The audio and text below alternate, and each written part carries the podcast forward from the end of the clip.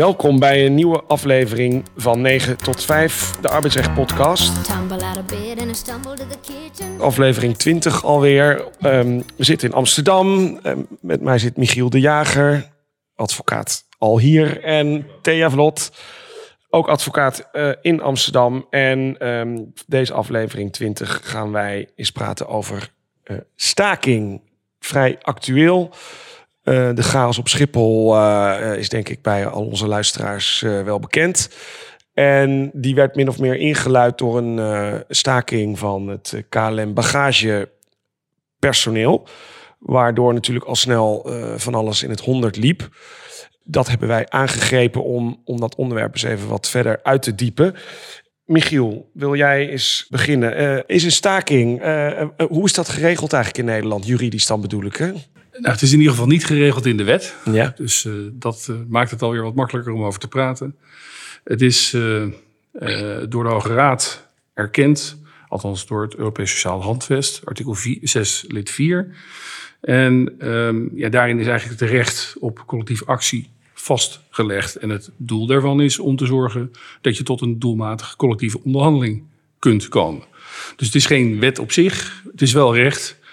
Uh, en het is ook echt afdwingbaar. Ja, en het is eigenlijk een soort Europees grondrecht, geloof ik. Hè? Zeker, zeker. Dus het mag, je mag staken. Je mag staken, maar niet onder alle omstandigheden. Nee. En, en, en dat is natuurlijk leuk om voor ons als advocaten om de grenzen daarvan uh, te bekijken. Het is een groot goed, het is een grondrecht, het mag.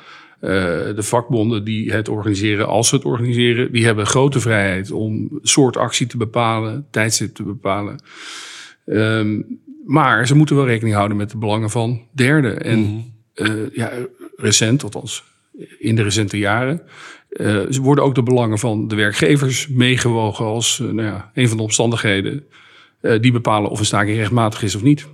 Voordat we misschien daar wat meer op inzoomen, je hebt natuurlijk allerlei verschillende soorten collectieve acties. Kijk over even naar Thea ja, de staking is eigenlijk natuurlijk, dat is een beetje hoe dat in de volksmond heet. Maar hè, wat voor verschillende soorten collectieve acties vallen er eigenlijk allemaal onder, die, onder dat ESH?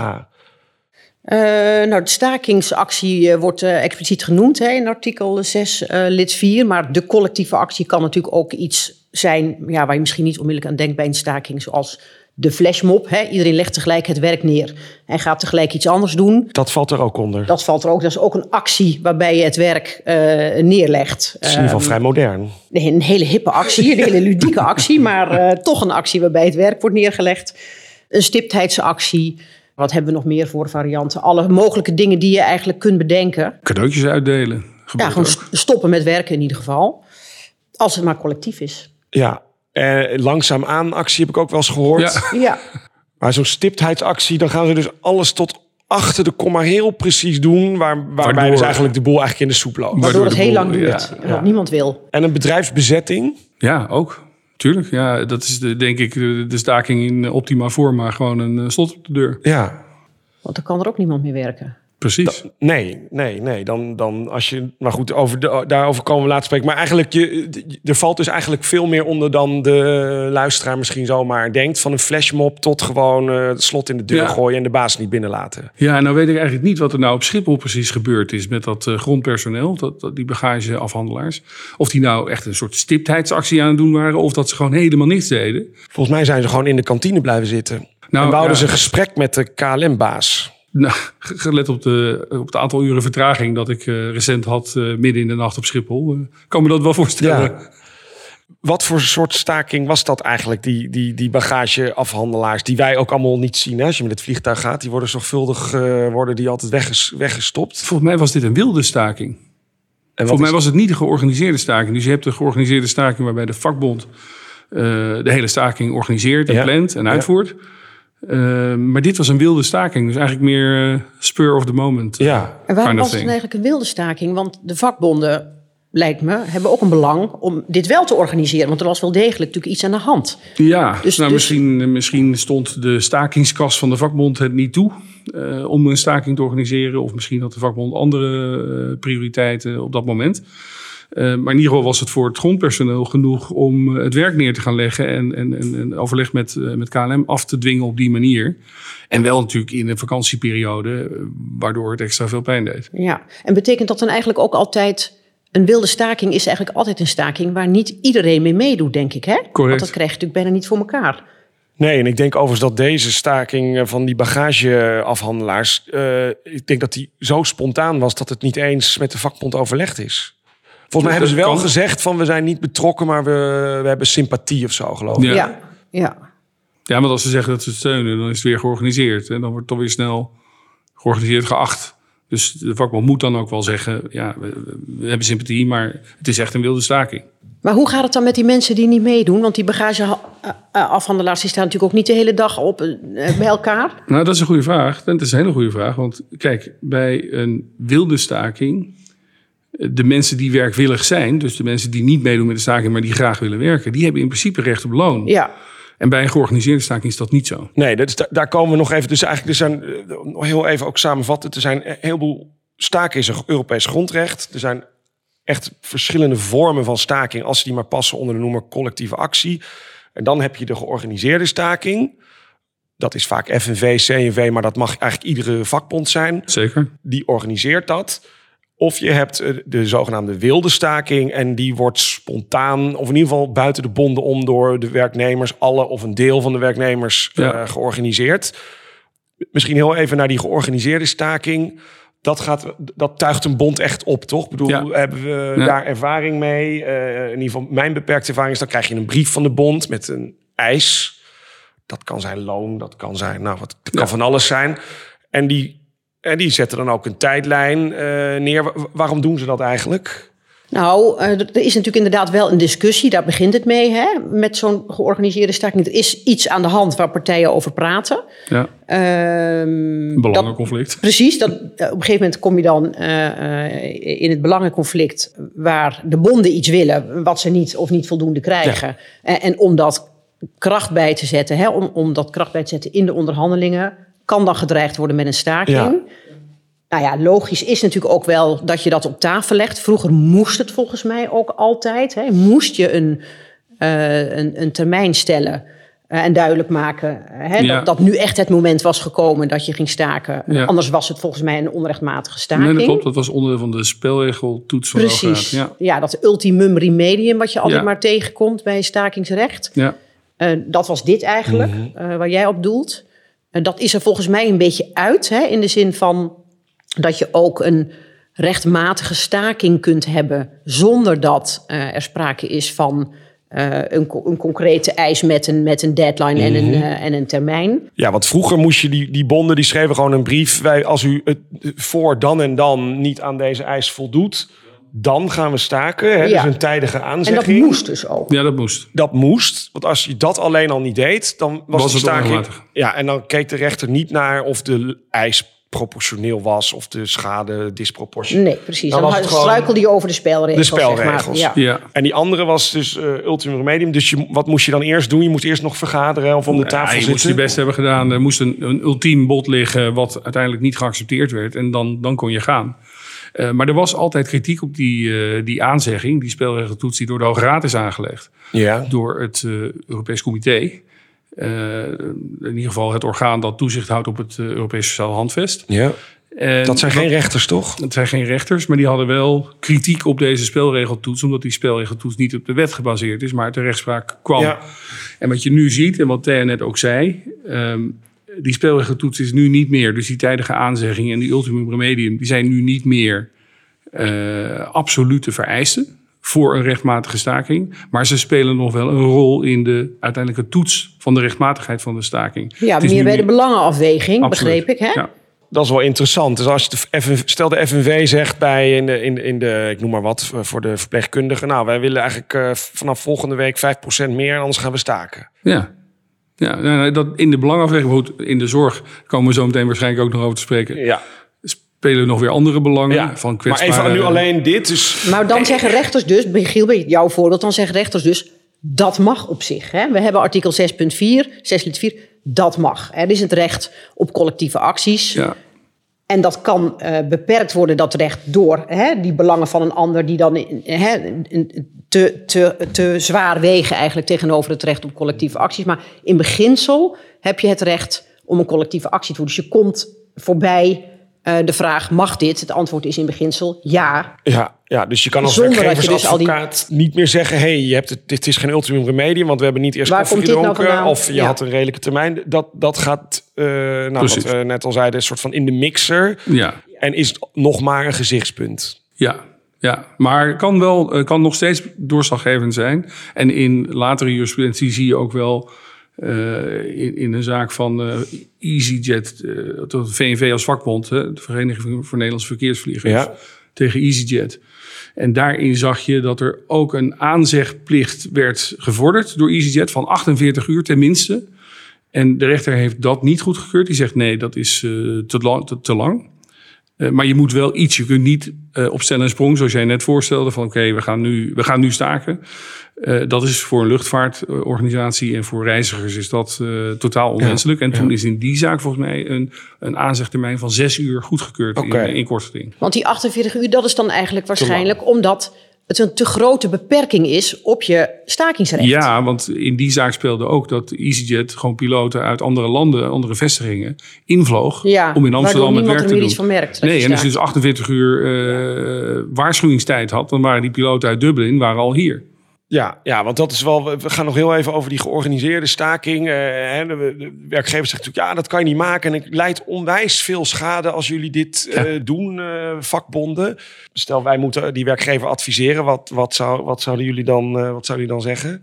Dan zouden we zeggen Nou, dat... schade op zich is de bedoeling, hè, zal ik maar Ja, zeggen. het hè? moet- Dus moet een een beetje, beetje pijn schade. doen. Het moet schuren. ja, hoort Ja. erbij. Dus dat, dat, dat Niet helpt goed niet. argument. Niet zo'n goed argument. Tenzij het misschien extreem is. Ja, Maar schade op zichzelf is niet het winnende. Nou, het is winnende- Maar zo staak je ons failliet. Is dat, eh, is dat een reden om bij de kortgedingrechter die staking verboden te krijgen? nou dat, dat denk ik wel. kan Kijk, eh, disproportioneel worden ja, natuurlijk. Ja, Ja. want schade is, is inherent aan, aan het neerleggen van het werk, logisch.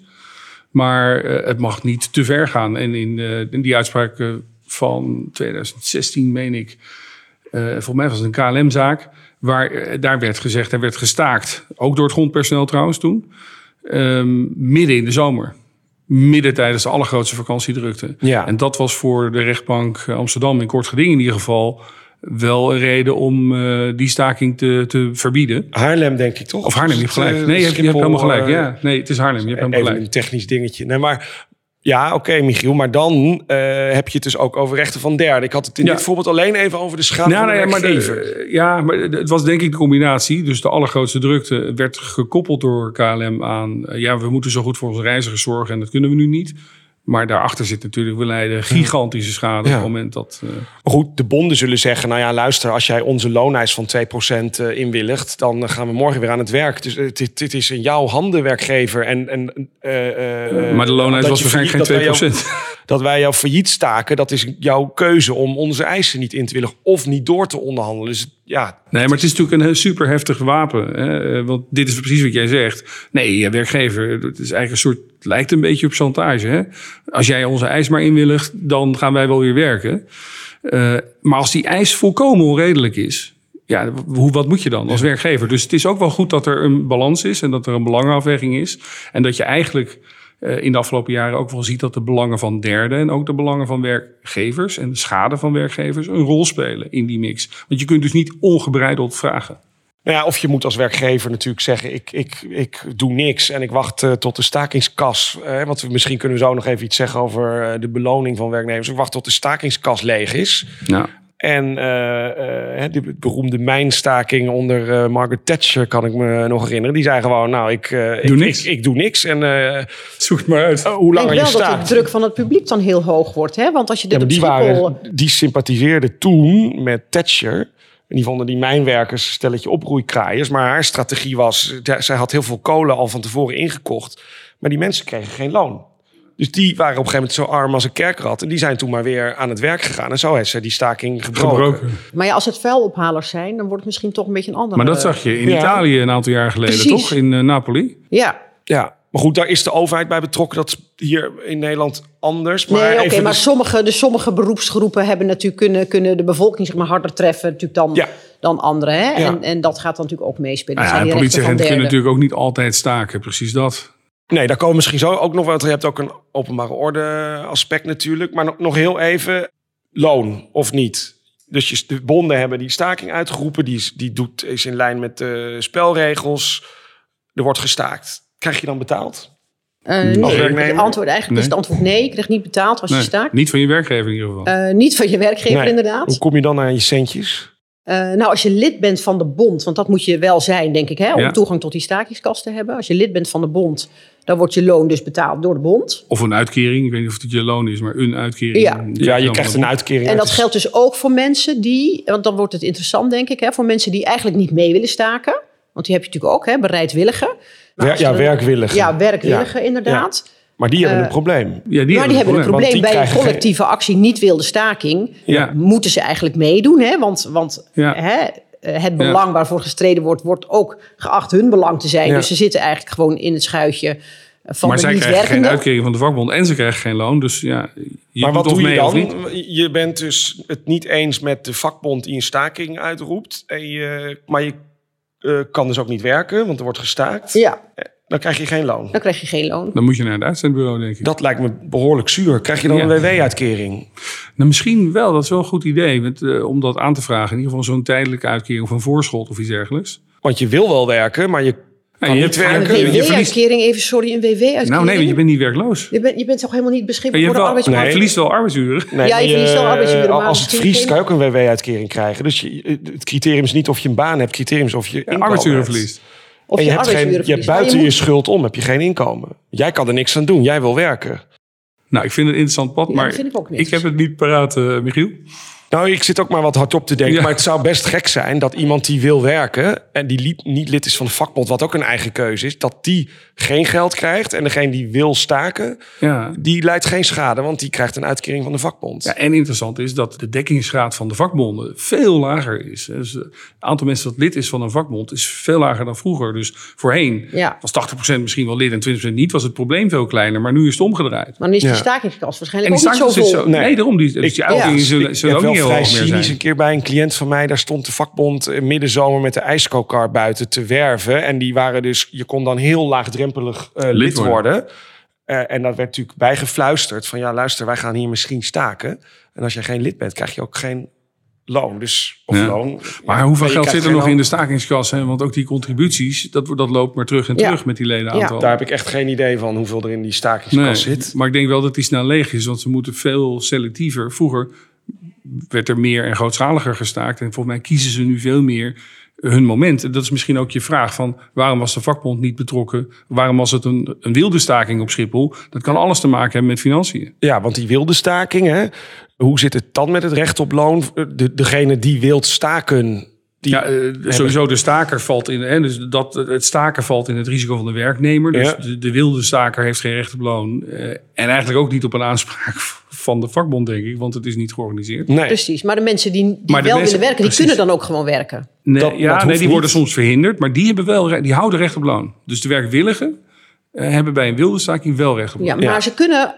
Kijk, soms lukt het praktisch niet natuurlijk om te werken. Nee. Maar als het praktisch lukt om te werken... Dan moeten ze werken. Dan heb je dus in de wilde staking mensen die niet werken... en mensen die wel werken. Ja, Ja, maar waarom zou je nog werken bij een wilde staking? Want als je niet werkt, heb je ook recht op loon, hoor ik jou zeggen. Nee, Eh, nee als je niet werkt, dan ben je dus onderdeel van de wilde staking. En dan heb je geen recht op loon. Nee, oké. dus je zou dan kunnen kiezen inderdaad... Hè, bij een wilde staking makkelijker kunnen kiezen om door te werken, denk ik. Nee, maar eh, eh, dat is waar. En als je die keuze hebt, maar het hangt natuurlijk van de soort staking af. Als, Tuurlijk. als een ketting om het, om Ja, het, op, niet. poort doen. Ja. Maar dan, Dan heb je het dus recht op loon. De werkwillige. Dus je moet aantonen dat je werkwillig bent. En dan Ja. heb je recht op loon. Want dat, dat is inderdaad wel een- wat ik ergens voorbij zag komen in de voorbereiding. Je moet wel kunnen bewijzen dat je werkwillige bent Ja. hè? In, bij zo'n wilde staking. Dus Zeker. je moet stuur een e-mailtje naar de baas van ik sta voor je poort. Als je me erin laat, kom ik werken. Want ik wil niks met deze wilde En ik hou me staking beschikbaar voor mijn werkzaamheden. Ja. Want anders wordt dat problematisch. Helemaal waar, maar anders ben je een wilde staker. Als jij gewoon niet komt opdagen, dan gaat de werkgever vanuit dat jij meedoet aan die wilde staking. En, en ehm, we hebben natuurlijk net eh, gezegd, hè, als de bonden het organiseren en die hebben daar natuurlijk ook hun draaiboek voor, dan is zo'n staking om die reden eigenlijk niet, niet te breken. Die zou je kunnen breken omdat eh, de gevolgen eigenlijk disproportioneel zijn, waarbij alleen maar schade niet zo kansrijk is. Is een wilde staking rechtmatig of onrechtmatig? Weten we dat? Of is dat ook een antwoord van dat hangt ervan af? Dat laatste, denk ik. Nou, ik, Het denk, is niet- ik denk niet dat hij, omdat hij wild is, eerder onrechtmatig Nee, is. eh, nou misschien, misschien- nou weet ik niet of het eerder is of niet. Het is niet per se. Het is niet omdat het een wilde staking is, is het onrechtmatig. Zo is het niet. Omdat het een collectieve actie Het is kan een collectieve zijn, die actie. gedekt kan zijn door het ESH. Ja, Hey, waarom en- zou hij niet gedekt zijn dat hij wild is? Even, want... Omdat hij niet door de bonden Niet door is Nee, maar dan hoeft, kan toch een het enige Het wat is er nodig is, is dat het een collectieve actie is. Eens. Als Ja. het dat is. Dus het is niet per se onrechtmatig omdat hij wild is. Maar goed, de meeste wilde, wel, wilde stakingen zijn natuurlijk spontane acties die ook niet lang duren. En dan heb je eigenlijk meer discussie, eh, eh, eh, loon of niet loon. Heel even, eh, er belt een bedrijf, die belt jou en die zegt nou, mensen willen staken. Eh, eh, ik, ik heb net even het uitzendbureau gebeld, want nou, die komen hoor. Eh, er komen tien man. Hoe, hoe zit dat? Ja, dat, dat, eh, wat jij noemt, dat Bijna zijn dan retorische vragen, Ja, bijna retorische vragen. Dat mag natuurlijk niet. Dat mag niet. Nou ja, eh, dat zou Staat dan dat in de onder- wet of is dat ook staat wel in de wet? dat staat in de wet? Ja, dat staat in de wet. Dat staat in artikel 10 van de WADI. Eh, en dat heet het onderkruipersverbod. Dus die, die, die uitzendkrachten die dan binnen zouden komen, dat zijn dan onderkruipers. Dan word je onderkruiper genoemd. Ja, dan word je een onderkruiper genoemd. En die, eh, die, dan ga je het werk dus doen van de mensen die staken. En dan zo zou de staking dan kunnen worden gebroken. En zo kun je dus ook het recht op collectieve actie en collectief onderhandelen uithollen. ja, Dus daarom is dat verbod erin gekomen. Maar dat verbod is ook niet absoluut. leg uit. interconcern uitzendingen. Dus als jij andere werknemers van een andere plek in het concern inschakelt om dat werk te doen, valt het niet onder de WADI. Maar gaat wij een belletje rinkelen? Iets met EasyJet of zo? Of Ryanair? Wat was het ook alweer? Ja, daar werden die piloten, daar, eh, eh, het was EasyJet en die vloog piloten in uit het buitenland. En Om te helpen. En ja, om, de vluchten, nou, om de vluchten te doen van de piloten die in Nederland staken. oh, oké, jullie Nederlanders staken nou. Ja. eh, prima, wij roepen even waar, iedereen waar terug. 15 piloten, meen ik, die toen staakten. Dat was eh, de, de populatie van EasyJet in Nederland. Ja, in die vestiging. En toen werden er eh, uit andere vestigingen uit, uit het buitenland werden piloten ingevlogen om die vluchten te doen. dat lijkt wel erg op een onderkruiper, Ja, toch? maar dat viel er niet onder. Het mocht. Het mocht. Nee, maar toen heeft de rechter dat weer opgelost, denk ik, hè, door te zeggen. eh, als je gaat staken, of als je een, een, een, een stakingsactie eraan komt, hè, als de piloten zeggen dat ze niet gaan vliegen, dan moeten ze dat zoveel uur van tevoren aankondigen. Ja. Oh ja, daar hadden we het aan het begin van Precies, de en, podcast, en, en podcast een beetje over. kort, hè, want als het langer van tevoren aan moeten kondigen, dan, dan kunnen al die Ja. andere piloten worden letterlijk worden ingevlogen. Ja, dat wat is niet waar. onder het onderkruipersverbod viel. Dus dat had gekund. Eh, dat had gekund. En daar vond inderdaad die belangenafweging plaats. Dus daar zie je heel goed dat die spelregeltoets van de Hoge Raad destijds... van, hè, van, van niet-tijdige aanzegging is onrechtmatig. Ja, Dat is geen, geen wet van mede- en persen. Nee. Sterker nog, dat was nooit een wet. Maar dat is nu ook geen eh, bepalende factor meer. Het is een van de gezichtspunten Ja. eh, in de afweging. Dat was ook hier zo. EasyJet had gevraagd eh, tenminste 48 uur van tevoren te worden geïnformeerd over een eventuele collectieve actie. Want dan konden zij nog piloten invliegen van het buitenland en hun roosters daar aanpassen. Eh, de rechter heeft dat niet toegestaan, maar die heeft wel gezegd: ik vind wel op, en sprong, zeg maar, du moment dat je wil gaan staken, dat is, te, dat is ook weer te gortig. Dus je moet zes uur van tevoren moet je dit aankondigen. Nou, en dat is Ja, rechtmatig. Misschien daar nog heel even op voorbouwend en even theoretiserend. Stel dat die eh, bagageafhandelaars, dat dat een georganiseerde staking was geweest. En KLM was naar de voorzieningenrechter in eh. Haarlem. in Haarlem gestapt. eh, om die staking te voorkomen. Wat, wat denken wij?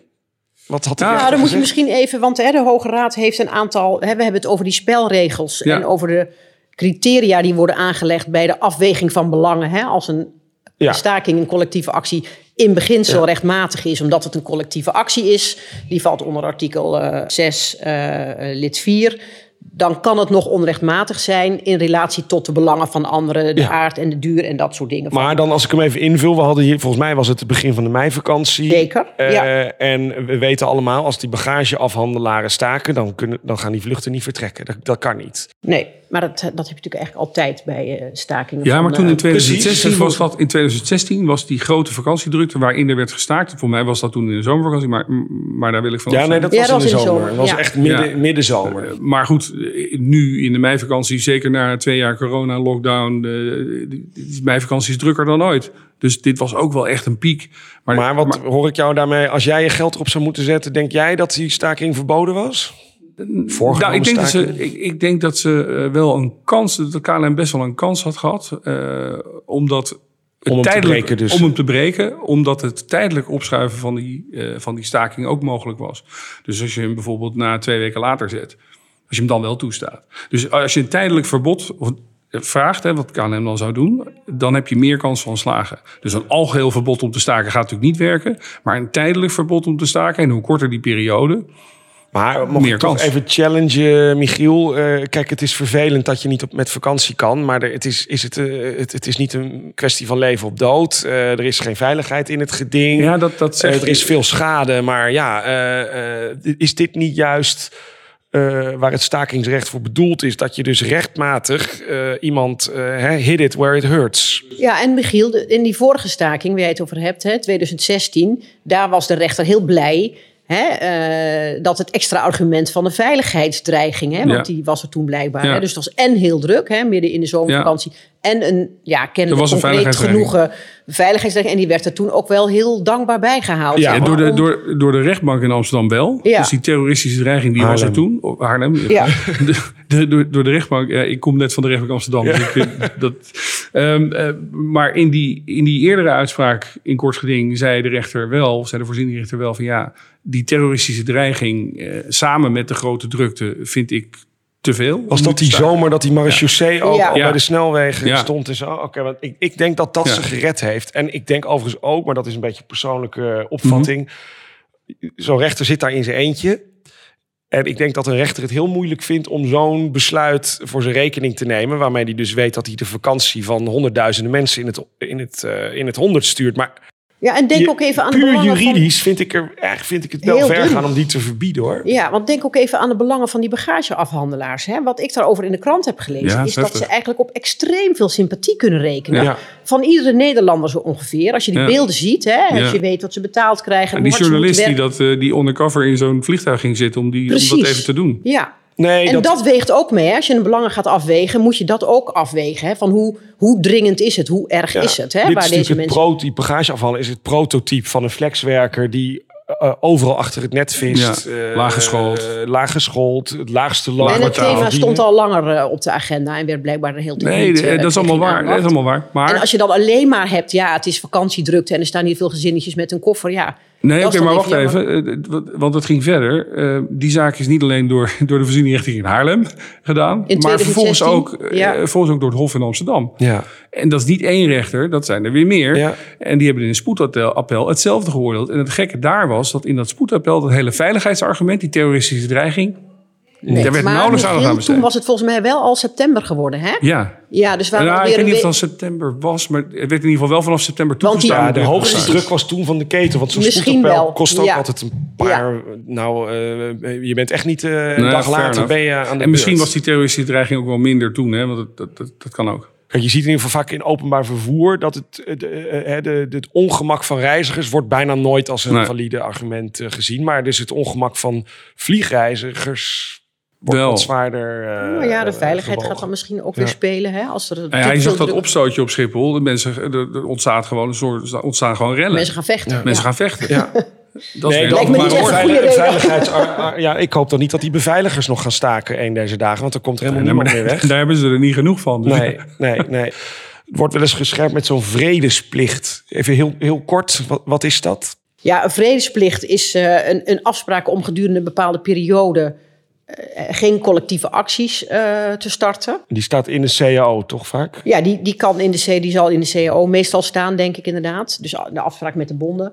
Ja, en als je die hebt gemaakt, dan kan je die, lijkt mij, niet heel makkelijk eh, negeren. Dus dan koop je arbeidsrust eigenlijk door Ja, eh, te zeggen deze looptijd, eh, de CO of de looptijd looptijd van een jaar. Je moet Ja. nu niet na een half jaar zeggen ik wil meer loon. Ja, dan precies. is een staking. Er zit altijd een tijdelijkheid aan, uiteraard. En dan is een, kan een staking dus heel makkelijk verboden worden. Ja. Want in strijd met de afspraken. Ja, kan dat is nog ook een steeds geval dat je anders, staken. anders blijf je bezig. Want dan kan je iedere week staken. Dus Ja. daar wordt die vredesplicht voor opgenomen. Helder. Nou, ehm eh, Thea Vlot, dankjewel. Michiel de Jager, dank. Dit was eh, aflevering 20 alweer van ehm, eh, 9 tot 5, de arbeidsrecht podcast. Kijk vooral ook op onze website www.9tot5podcast.nl. En we zijn snel weer bij u terug voor aflevering 21 in een andere samenstelling. Dank voor het luisteren.